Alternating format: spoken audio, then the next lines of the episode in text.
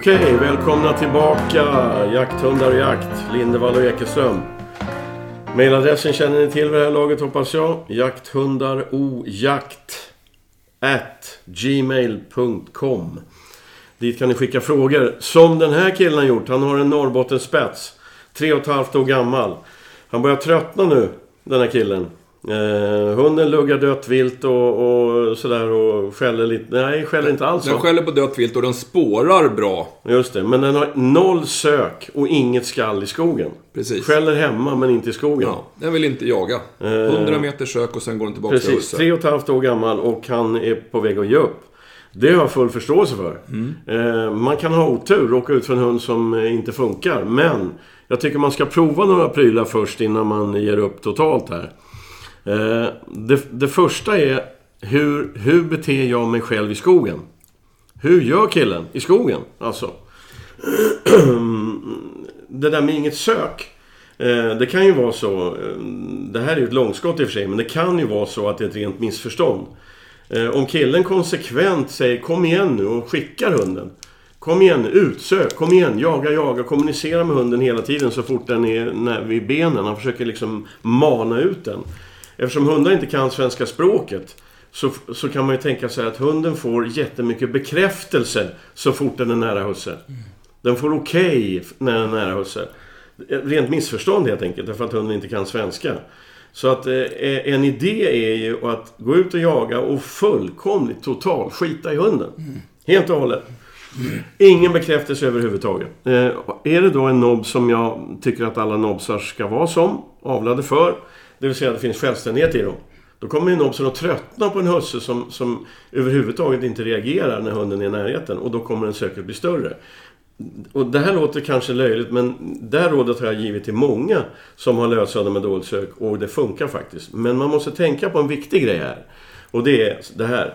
Tittar man på en hund, ni får ursäkta mig nu ni som har hört podden tidigare för det här har jag sagt tidigare. Men tittar man på en hund då kommunicerar man med den.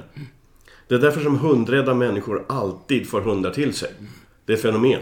Det är inte ett dugg konstigt eftersom en hundrädd människa som kommer i närheten av en hund stirrar med toalettstolstora ögon på den här hunden. Då ser hunden att människan stirrar och då går hunden fram till människan och frågar Jag ser att du vill någonting. Okej? Det vill säga, han ska inte ens titta på den här Norrbottenspetsen. Utan han ska fullkomligt skita i den. Eh, sen finns det ett tips till då. Och det är att har han lånat ut den här Norrbottenspetsen under en månad hård jaktsäsong till en kompis. För det kan man också göra. För att det finns band mellan hunden och människan. Alltid finns det en relation liksom. Och den relationen kan ibland göra att vissa felaktiga beteenden, alltså ur den här killens synvinkel felaktiga beteenden, kan bli befästa. Om man lånar ut Norrbottenspetsen Eh, när träskällarjakten börjar nu, eller vad det nu är han ska jaga, va? Eh, så, till en kompis som verkligen jagar stenhårt och har bara som mål att jaga. Han har inte som mål att uppfostra hundar eller bli bäst bästis med den här Norrbottenspetsen. Hans mål är att bara jaga. Då kan andra saker poppa upp i huvudet på den här Norrbottenspetsen. Eh, för att jag tycker att han ska prova någon av de här två grejerna först innan han ger upp alltså. Så att, för det kan ju vara så att, att det är ett rent missförstånd helt enkelt. Jag blev lite fundersam också. Det står att den inte, hunden inte skäller. Eh, och då undrar jag, har, vet han att hunden har haft men nu är vi där igen. Förbannade veterinär. Allting kan länkas till veterinärmedicinska Nej då, problem. det här är inte alls veterinärmedicinskt. Jag bara funderar på, har, vet, vet husse att hunden, hunden haft kontakt med vilt någon gång under så korta 100 meters runder? För men annars det här klassiska att se ett vilt och sätta hunden på löpan och se vad som händer. Men, men det, det, det har säkert husse gjort va, men det... ehm, det Ja men alltså, men alltså, men alltså det, det finns ju så många, det här skulle vi kunna fylla hela det här avsnittet med alltså. Men, men alltså när man drar en hund bakåt i koppel, då vill den framåt. Man triggar ju, alltså hundar som är lite veka på dött vilt till exempel. De, de drar man ju bakåt i lina. För då triggas de framåt. Då växer manken på dem lite grann. Och vad han kan göra eftersom, eftersom den skäller på dött vilt och raggar dött vilt så kan han ju göra hunden nästintill tokgalen av vilja att komma fram till det här skjutna viltet. Genom att så att Ja. den öser skall. Ja. Därför det här är Norrbottenspets. Den ska inte driva med skall. Ja, det är en ställande hund. Eh, och får man igång skallet så att skallet blir en naturlig grej när hunden står stilla och det är ett vilt framför så kanske det kan möjligtvis öka. Eh, Men, men, men eh, så absolut, alltså tänk lite utanför lådan. Men framförallt de här två grundtipsen. Alltså, testa det först innan, innan du ger upp. Och jag tror mycket på det här som du sa, att testa och låt nobsen gå med en annan hundförare. Gärna någon som du inte känner särskilt bra. För det ser jag ju på mina hundar när jag lånar ut dem ibland. De beter sig ju inte på samma sätt med någon de inte känner. Eh, som, som de gör med mig i skogen. Så att, så att, eh, sen kan det bli rätt eller fel, eller rätt eller fel håll. Men, men det är definitivt värt ett försök. För, ja. Nej men alltså det, det finns, det är intressant med människor för att du vet vi har ju en, en god vän som heter Knutsson. Han kallas till och med för Knutsson. Eh, han har ju spetsar som jag då och ehm, han lånar ju Orka ibland. Nej. Okej, ni får ursäkta det där våldsamma avbrottet här men det, var, det plingade på dörren och hundarna själv. Det, det, var eh, köttleverans. Vi måste bli av med alla grisar vi skjuter. Nu går vi vidare. ja, Eh, vi var inne på Knutsson. Knutsson, precis just det. Knutsson han, han får ju då och då eh, lov att låna min, eh, en av mina jämthundar, Orka. När jag eh, liksom är bortrest och inte jagar och så. Det händer ju faktiskt eh, vissa perioder då. Ehm, och så, eh, Orka känner ju Knutsson alltså. Vi jagar ju mycket ihop. Och ändå är det så att när han har lånat henne första dagen, andra dagen släpps så är hon lite så här tveksam. Fan, den här jävla Knutsson, ska jag gå med honom? Eh, och sen är hon liksom, okej, det är ju en speciell jämthund där. Okej då, när jag har Knutsson. Sen lossnar det så jagar hon som tok alltså. Mm eller, eller när man har någon med sig. Vi hade ju en kompis, Mackan från, från norr som gick. Och då orkar plötsligt gå, gå runt och kolla, ska den här lilla norrlänningen vara med här? Eller, alltså de, de, de ändrar ju beteenden ja, men så är det. var efter situationen. Så absolut, låna ut Norrbottenspetsen. Och har du tur så kanske du kan få låna den hundförarens hund själv. Ja. Eh, alltså det är aldrig fel alltså. Eh, det är klart man måste känna folk och lita på dem och så. Men, men det är aldrig fel att låna varandras hundar. Det utvecklar hundarna enligt mitt sätt att se. Okej, nu, nu går vi över till... Nu är det din boll här. Ja, eh, en, en ganska vanlig eh, problematik, framförallt hos långhåriga hundar, någonting som heter fukteksem. Eh, ja, det här är en hund som upp, en jakthund som uppenbarligen har problem med fukteksem på ett framben, om jag inte missminner mig. Eh, och det är väl egentligen frågeställningen, vad gör man och kan man jaga med en hund med fukteksem? Eh, Ja, då, vad fukteksem är, det är helt enkelt en hudinfektion. Eh, alla hundar har bakterier och till viss del också svampar på huden och det hör till normalfloran. Men i, i, under vissa omständigheter så blir det här lite för mycket av det goda. För mycket bakterier, för mycket svampar och så blir det en infektion. Kroppens immunförsvar klarar inte av att hålla det här i schack. Eh, och det händer nästan alltid, det, det drabbar nästan bara eh, päls, alltså hundar med lång päls. För det blir varmt och det blir fuktigt. Det blir en underbar grogrund för svampar och bakterier att föröka sig i det här. Eh, Och ofta är det på partier där det finns lite hudveck och sånt här också. Vad man gör då? Allt beror ju på, för det här kan faktiskt bli ett ganska så rejält problem. För de här fukteksemen har en tendens att sprida sig och bli större och större och större. Och det kan bli alltså riktigt såriga, djupa, variga hudinfektioner. Ehm, det man gör, så fort man ser att det här är på gång. Eh, och det brukar yttra sig som att eh, det det är lite rodnad i huden, det vätskar sig, det kanske blöder lite grann. Hunden slickar. Eh, Det man gör som nummer ett, raka huden, eh, raka bort pälsen runt om det här området. För ganska ofta så ser man bara en liten del av fukteksemen. så bör man raka sig in som att det har spridit sig in under kanterna. eh, Så det är större än vad man tror. Så man ska raka rent så att det får lufta. Och sen så ska man tvätta. Och man kan tvätta med lite vanlig koksalt eller lite alzollösning eller klorhexidin och sånt där. Tvätta det regelbundet och hålla det rent. Och se till att hunden inte slickar. Sitter det på ett framben så kan jag nästan garantera att hunden kommer slicka på det här. Och gör den det så kommer det aldrig läka, det kommer bara bli större och större och större och större.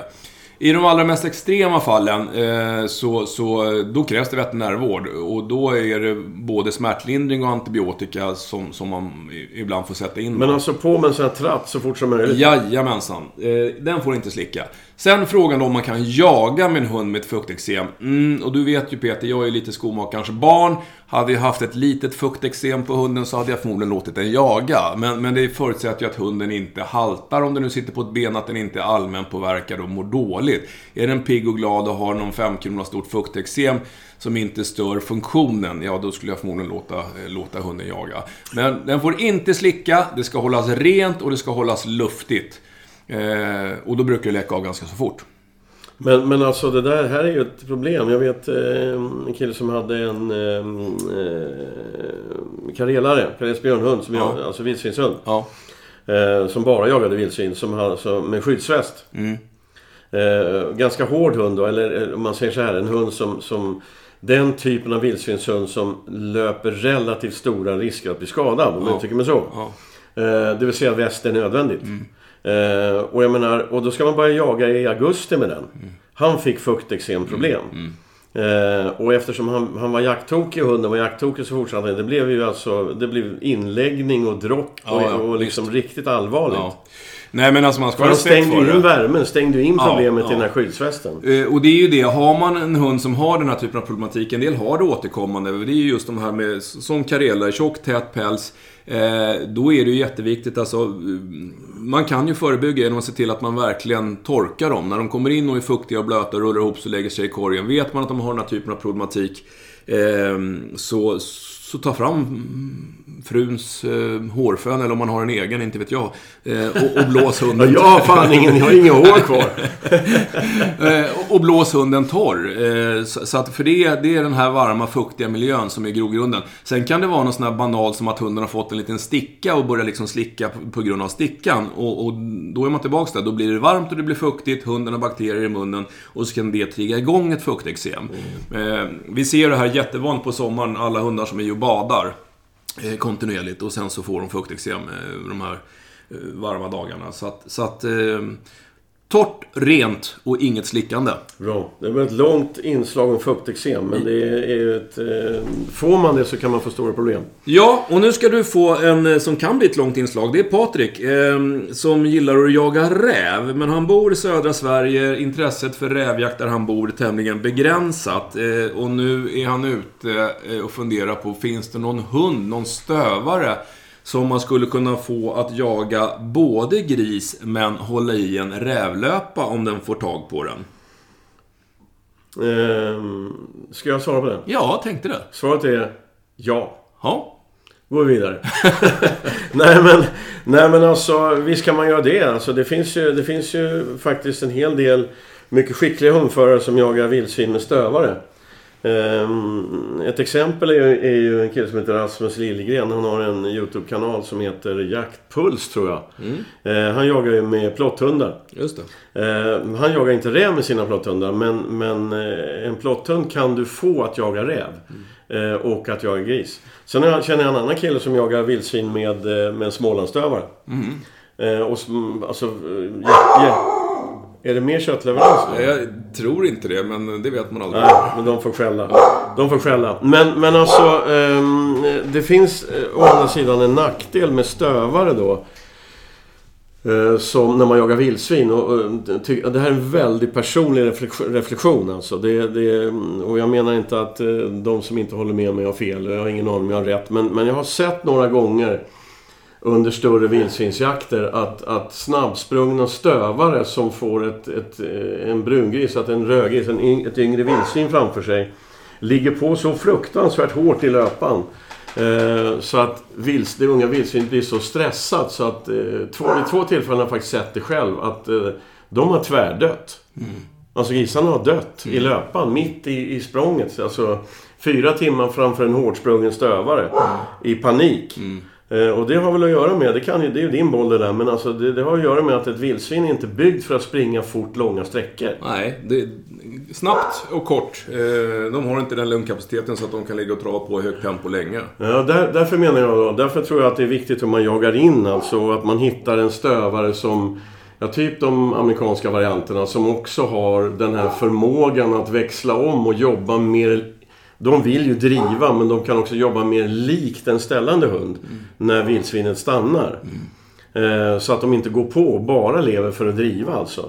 Eh, Så att eh, det är väl den enda nackdelen. Men svaret är absolut ja. Det är klart att, att man kan få en stövarras att jaga vildsvin och räv. Om man präglar en hårt på vildsvin och räv. Därmed inte sagt att, att eh, det finns ju, i alla fall där vi lever och verkar, finns det ju fler vildsvin än rävar. Ja, Eh, Så att eh, om man specialiserar en ung stövare stenhårt på vildsvin och sen, sen blandar in räv. Eh, så det är klart att den hunden kanske inte kommer hålla fast i ett halvkallt rävslag om den får färsk vildsvinsvittring i Ja, nosen. Eh, Därför tycker jag då personligen, men återigen, det här är fan, det finns många världsmästare i den här branschen. Men om, om jag hade den här killens mål så skulle jag skaffa en stövare. Eh, och då skulle jag välja typ smålandsstövare, finstövare av vissa linjer då. Det gäller att snacka med rasklubbarna så man får vissa linjer, rävlinjer det. Eller en plotthund om man, eh, man hör av sig till någon av de här riktigt duktiga plottmänniskorna. Och sen skulle jag stenhårt prägla den här unga stövaren på räv. Först. Alltså verkligen belöna rävjobb alltså. Innan jag gick över på vildsvin. Eh, för att annars tror jag att det kan bli svårt. Alltså tänder hunden på ett vilt viltslag och du skjuter hundra grisar innan du får tag på ett vettigt rävslag. Alltså då är nog chansen liten att det blir en rävhund. Ja, det här var ju Skåne, så det finns väl en stor sannolikhet att man springer på gris även där.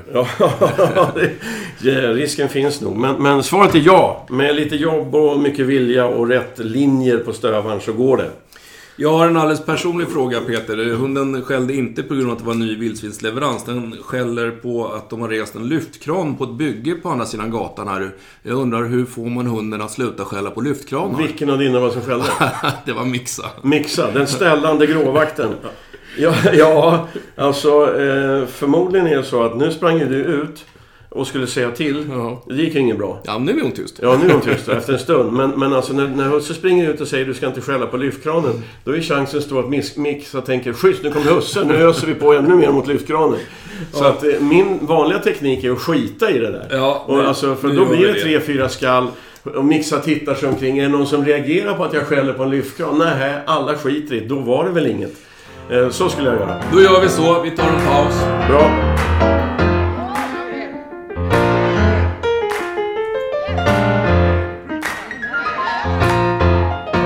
Hormoner, Björn. Hormoner.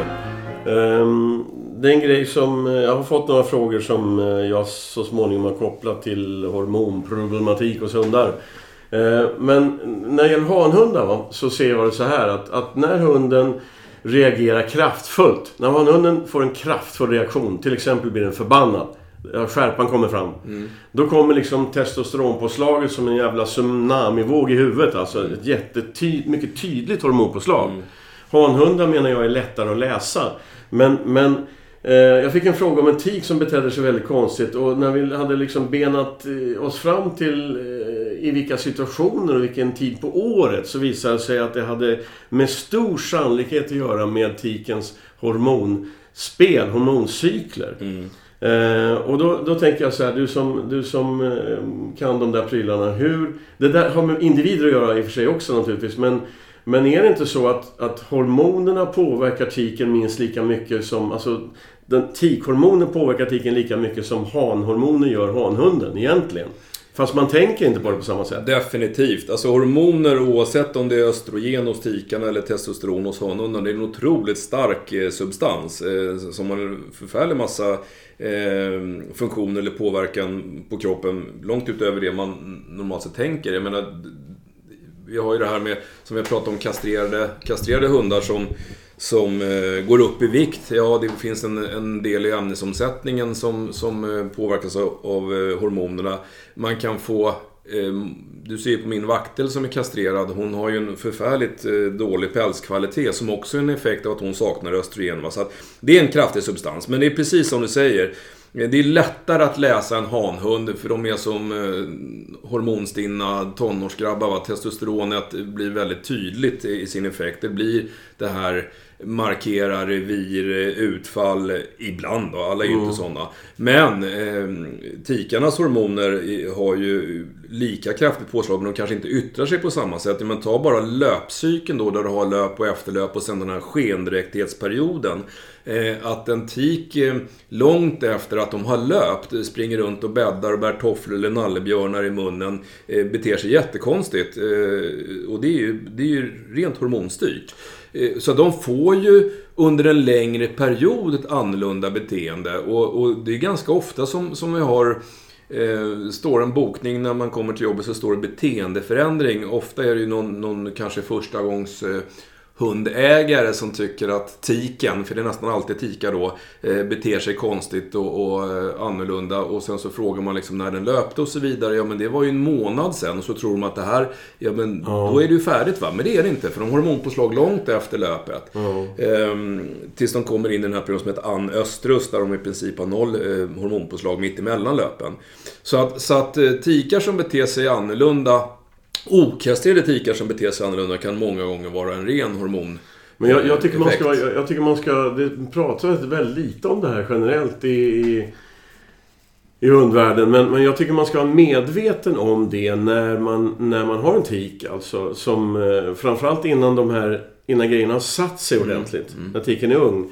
Att den beter sig på ett lite konstigt sätt och, och sådär. Och då är risken, om man, inte, om man inte blandar in det här med var är vi någonstans i löpcykeln. Ja, Eh, då är risken att man själv börjar bete sig annorlunda mot tiken. för man tror att något är För fel. att man tror att Ja. något är fel. Alltså man är ex, extra hård mot den eller man blir förbannad för att den inte gör som den brukar och så vidare. Eh, vilket kan så liksom grus i maskineriet. Ja. Eh, så man, man ska vara medveten om det. Det här är inget stora problem generellt, men jag tycker man ska vara medveten om det. Och i det här fallet, jag fick en fråga om en tik som hade ändrat beteende. Det var ju så klockrent hormonstyrt. Ja. När vi väl benade oss fram till vad, vad problemet var. Ja. Och Ja, då, är då, blev, då blev ju Husse och Matte jättelugna. Ja. Och så hörde de av sig ett par veckor senare och sa att det var ju inga problem alls. Nej. Utan, eh, alltså, så att man, man ska vara medveten om det bara. Ja, nej men det, det är klokt va, därför att det, de, blir ju ofta lite mindre receptiva kanske, eller mottagliga. Det finns ett annat intresse i huvudet under hormonpåverkan än, än vad Husse eller Matte säger. Så kan man tycka att hunden plötsligt blir lite oblydig, eller den kommer inte på inkallning, eller vad, Ja men vad alltså som helst. den, man- klassiska va. En ung tik som, som alltid kommer på inkallning hemma på gräsmattan. Och så plötsligt så, när man kallar på den så sätter den sig bara ner och, och glor på dig. Ja. Och, och då, då blir människan, men vad fan! Du vet. Eh, mm, och är det en vuxen hund så kan man väl lägga lite krav när hunden kan det. Men är det en ung tik alltså, då, då, då strular man ju till relationen. Exakt. Ehm, sådär. Det är klart att man ska ha styrning på sina hundar. Jag menar inte att man ska hålla på och dalta med dem bara för att de löper. Men, men alltså... Man, Man ska vara med, medveten ja. om att det är inte riktigt samma person i huvudet. eh, I vissa lägen. Bra, det är en, en bra, en bra påpekande. ehm, för man ska inte krångla till saker och ting i onödan. Nu har vi ytterligare en nobs faktiskt, en Norrbottenspets till här. ehm, som inte alls ska jaga ren, men det gör den ibland. Och Husse befinner sig på marker som innehåller mycket ren. Ehm, och eh, ja, det är den lite frågan vi har haft i andra sammanhang tidigare. Hur får man nobsen att sluta jaga ren? Ja, alltså det finns ju ett gammalt klassiskt amerikanskt sätt som vi inte kan gå in på här i, i mm, svensk radio. Men, men eh, som jag inte heller förordar. Men, men eh, om jag förstår saken rätt så är det här Norrbottenspets som är riktigt bra. Den jagar i princip allt.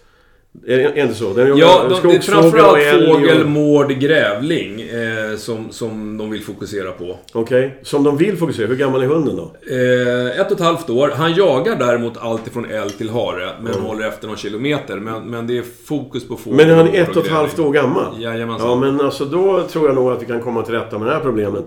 Ehm, på, på det klassiska sättet som jag gång på gång får svara på frågan hur får man stöva en rådjursren?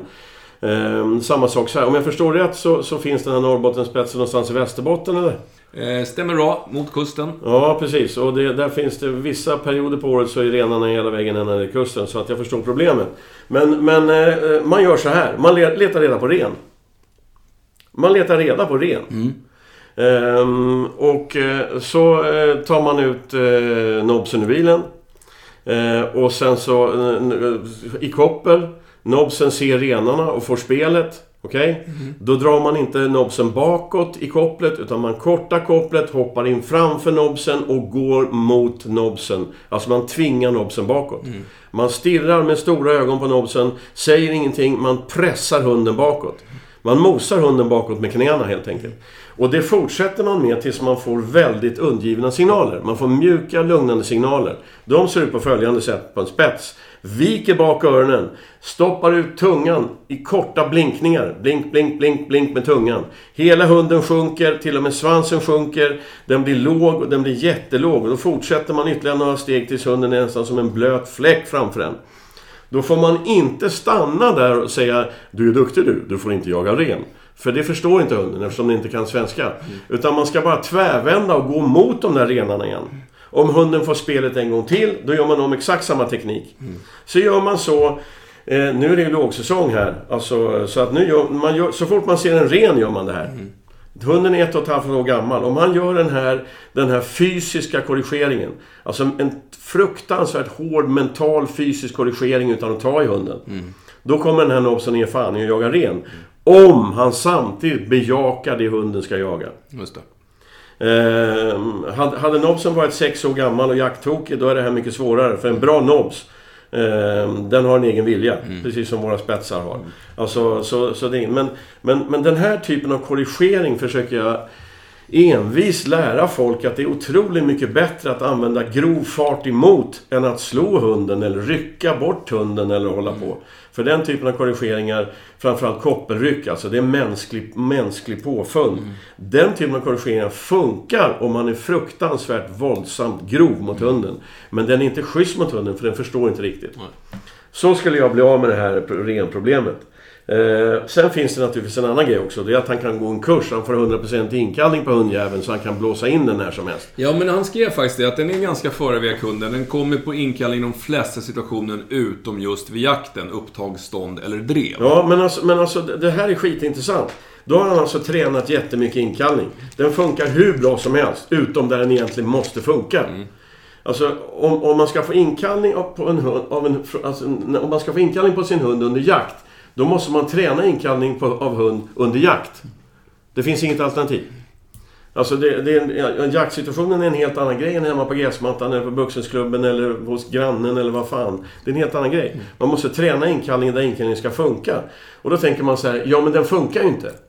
Okej? Det, det är liksom en, en, en motsättning. Det gör det visst. Därför att man, vad vill, vad vill den här Norrbottenspetsen göra just när husse stryker kopplet och hunden ska ut på sök? Vad vill den göra då? Då vill jag jaga. Han vill jaga. Då tränar man inkallning. Okej, du stryker kopplet och hunden kastar sig iväg 3 cm. Då vrålar man Hallå! Så man får hundens uppmärksamhet. Sen tar man ett steg bakåt och säger Kom. Då kommer hunden in till benet. Då knuffar man till hunden och säger ut och sök. Då belönar man hunden med det hunden vill göra just den här sekunden. Det är klassiskt. Eller om du har en drivande hund. Jag jobbar som en idiot för att få in den från drevet. Men koppla inte där, utan belöna den med att tillbaks till att driva igen. Alltså, eller ståndhundar, alltså in från ståndet och tillbaks, in från ståndet och tillbaks. In från... Då får man ju så småningom en hund som vill komma till mig för att jag är den största belöningsmaskin som finns. Eh, så att träna inkallning där inkallning ska fungera. Det är klart, man måste ju börja på köksgolvet när valpen är åtta veckor, fine. Men ska det funka i skogen, då måste man träna i skogen. Som jag ser det. Nu lät jag väl stöddig och självsäker. Nej, men alltså det här är lite roligt. Vi har ju kört några avsnitt nu och det är ju, eh, det är ju väldigt mycket som jag känner att vi kommer tillbaks till samma frågeställningar. Så det är mycket frågor som handlar om samma sak, men med lite olika infallsvinkel. Så det här är ju bara att fortsätta vara stöddig och... och eh, Nej men alltså, men alltså, men alltså det, det, egentligen är alltså hundar är ju så otroligt enkla varelser som jag ser det. Alltså det är enkla individer. Det finns ingen gråzon i huvudet på en hund. Vi människor går omkring med en gråzon i huvudet konstant. Det är kanske om vi får se förhandlingar, kompromisser, teoretiseringar och massa bullshit alltså. Eh, Om ni ursäktar, ursäktar uttrycket. Men en hund har ingen gråzon i huvudet. Det är, bara, det är en skarp linje mellan ja och nej. Mellan rätt och fel, mellan svart och vitt. Så ska man träna en hund så tror jag man måste lära sig det. Att du måste titta på situationen. Hur, hur ska jag kunna belöna en hund som vill jaga? Ja, med jakt alltså. Det, det finns ingen genväg liksom. Och har man en hund, nu ska jag säga någonting som är jättehårt här alltså. Men har man en jakthund som kommer på inkallning för att man står med en köttbulle i handen. Då är det för dålig jaktlust i den hunden, enligt mitt sätt att se. Ja. Jaha, ehm, Sug på den karamellen. Är det slut för idag nu eller? Ja, vi har, vi har fått ett par sådana här återkommande, det är inte några jakthundsfrågor, men, men vi har fått ett par frågor huruvida eh, vi eh, föreläser om det här eller om- om vi har några regelrätta föredrag kring det här. Eh, det har vi inte så tillvida att vi har något program där vi lägger ut att vi föreläser, men däremot så så är vi relativt ofta ute på ja, större sammankomster med årsmöten eller mässor och, och jakthundsklubbar som har någonting. Så att är det så någon, någon vill att vi ska komma ut och prata det här på annat sätt än i podd, så, så mejla in till jakthundar och jakt.gmail.com och, och, och ställ frågan om var och när och hur och så vidare, så, så återkommer vi om det. Ja visst, och sen kan vi, om vi ändå ska in på ämnet göra reklam för oss själva, så kan vi också säga så här att jag har en YouTube-kanal som heter Peter pratar jakthund. Eh, där du numera är inblandad också. Till och med det. Mm, så att om ni vill se Björn Lindevall gå igenom det här med första hjälpen i skogen och vad man ska ha med sig för prylar för att rädda hundars liv om någonting händer. Då kan ni kolla på Peter pratar jakthund för att vår vän fotografen Rundelius kommer snart att lägga upp den filmen i den här YouTube-kanalen. Nog tjatat om oss själva. Vi hörs nästa gång. Om någon frågar oss.